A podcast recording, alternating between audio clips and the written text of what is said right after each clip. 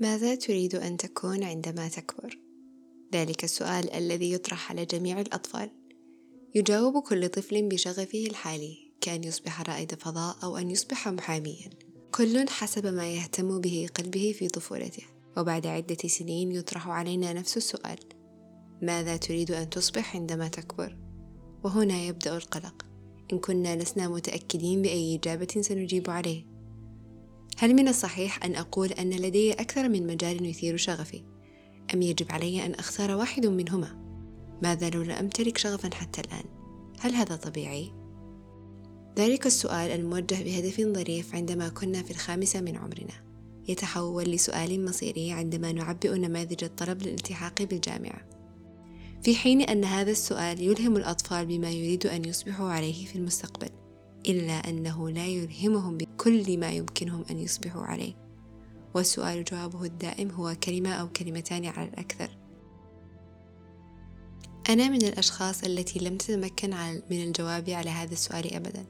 المشكلة لم تكن بأني لم أمتلك أي اهتمامات بل كانت بسبب أنني أمتلك اهتمامات كثيرة جدا. أحب الموسيقى والفن. أحب التصميم والتكنولوجيا. أحب العلم والفيزياء. أحب الشعر والتأليف والإبداع. أحببت كل شيء وكان ذلك يرهقني فعلا لأنني لم أتمكن من اختيار واحد منهما. بعد تجاوز سن المراهقة اكتشفت نمط شغفي.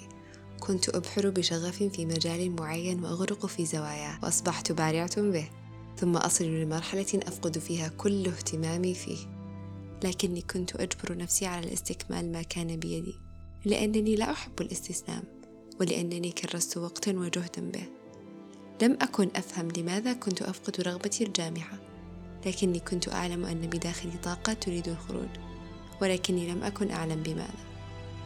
بعد فترة من الصراع الداخلي اكتشفت شغفا يلمع بشكل أقوى ويجذبني وكنت أبحر به بكل جوارحي من جديد بمجال جديد كليا. وأهمس في نفسي وأخيرا وجدت ضالتي.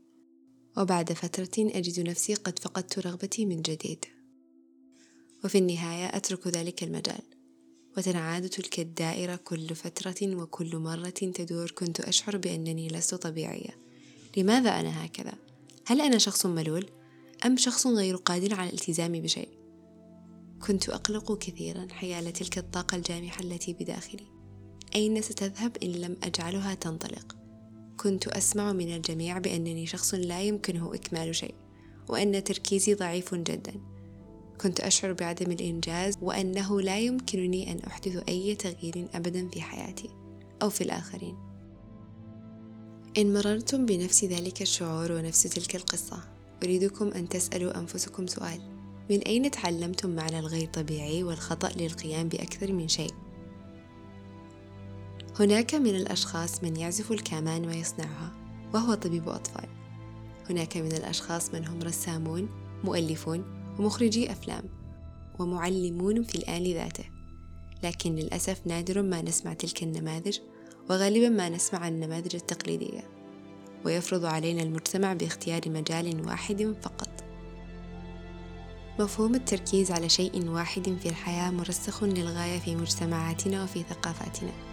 فهو مربوط بالقدر والمسمى الوحيد.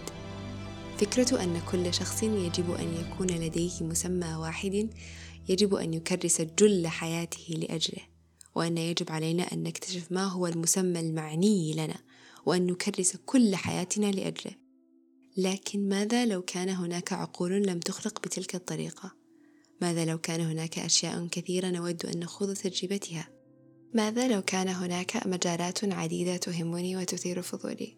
للأسف ليس هناك مكان لأمثالك في هذا الإطار. وبسبب ذلك قد تشعر بالوحدة وأنه ليس لديك هدف ولا معنى. وقد تصل لأن تشعر بأن هناك شيء غير طبيعي بك. عزيزي المستمع وعزيزتي المستمعة أقول لك وأقول لك بأنه ليس هناك خطب بك.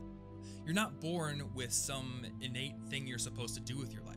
Rather, you're born with personality traits and certain qualities of work that you'll enjoy, maybe creativity, maybe working with people or working with very logical things, autonomy or a sense of impact in your work. And these specific qualities are going to be unearthed and slowly discovered as you make more connections with people, as you do more things, as you create things and gain skills.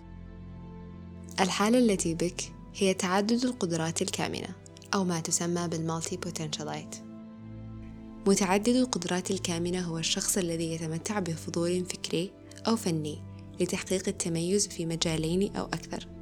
ويمكن أيضا أن يشير إلى الفرد الذي تمتد اهتماماته عبر عدة مجالات بدلا من مجرد أن يكون قويا في مجال واحد. في الواقع في العصور القديمة مثل عصر النهضة كانوا متعددي القدرات هم الأشخاص المثاليين الذين ينظر إليهم كنظرة العلماء والعظماء. أحيانا من السهولة أن نرى تعدد قدراتنا كقيد أو محنة يجب علينا التغلب عليها. ولكن بعد البحث اكتشفت أن هناك قوى عظيمة في تلك الأشخاص التي لا توجد في غيرهم. وهنا ثلاث قوى خارقة لمتعددي القدرات. أولا idea synthesis تركيب الأفكار. وتعني بأن نجمع بين مجالين مختلفين وخلق شيء جديد عند تقاطعهما الابتكار يولد دائما عند التقاطع ذلك فإن متعددي القدرات لديهم قدرة هائلة على الإبداع بسبب تعدد خلفياتهم الثقافية وإمكانية رسم خطوط مشتركة بين مجالات عديدة Innovation happens at the intersections. That's where the new ideas come from. And multi potentialites, with all of their backgrounds, are able to access a lot of these points of intersection. القدرة الثانية Rapid Learning التعلم السريع. عندما يهتم متعددي القدرات بشيء يثير إعجابه فإنه يبذل قاصر جهده في تعلمه والبحث عنه. إنهم لا يخشون من التغيير ولا من التجربة الجديدة.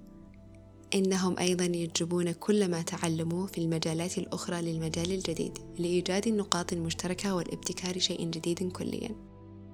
القدرة الثالثة Adaptability التكيف في حال جديد أو تجربة جديدة. تلك القدرات الخارقة لمتعددي القدرات الكاملة. قد تزهر ويزيدهم قوة ولكن قد تجعلهم يخسرون تلك القدرات إذا تعرضوا للضغط على تركيز بأمر واحد أو مجال واحد. عكس متعددي القدرات هم الأخصائيون يعلمون ما يريدون أن يصبحوا عليه منذ أن خرجوا من بطون أمهاتهم. تنصب كل اهتماماتهم في الأغلب على مجال واحد. توجد دراسة حديثة أثبتت أن دمج بين متعددي القدرات والأخصائيون يخلق فريقا قويا بإمكانه ابتكار أفكار جديدة وتنفيذها بشكل دقيق. إن كنت من متعددي القدرات لا تستمع لما يقول الناس لك. كن كالأخصائيون وصب كل تركيزك في مجال واحد. في الأخير اتبع ما يمليه عليك قلبك وعقلك. ليس هناك طريقة تناسب الجميع للوصول لهدف معين. لك طريقك الخاص بإمكانياتك وقدراتك الخارقة التي لا توجد بغيرك. اتبع فضولك وتقبل بكل سرور شغفك في تعدد المجالات. اكتشف نقاط التقاطع بينهما واصنع قوانينك الخاصة. ولا تتقيد بقوانين غيرك. أخيرا أنت ناجح خارق وإنسان مميز بطبيعتك الخاصة مهما كان حالك. هذا البودكاست إهداء لصديقتي ميمونة.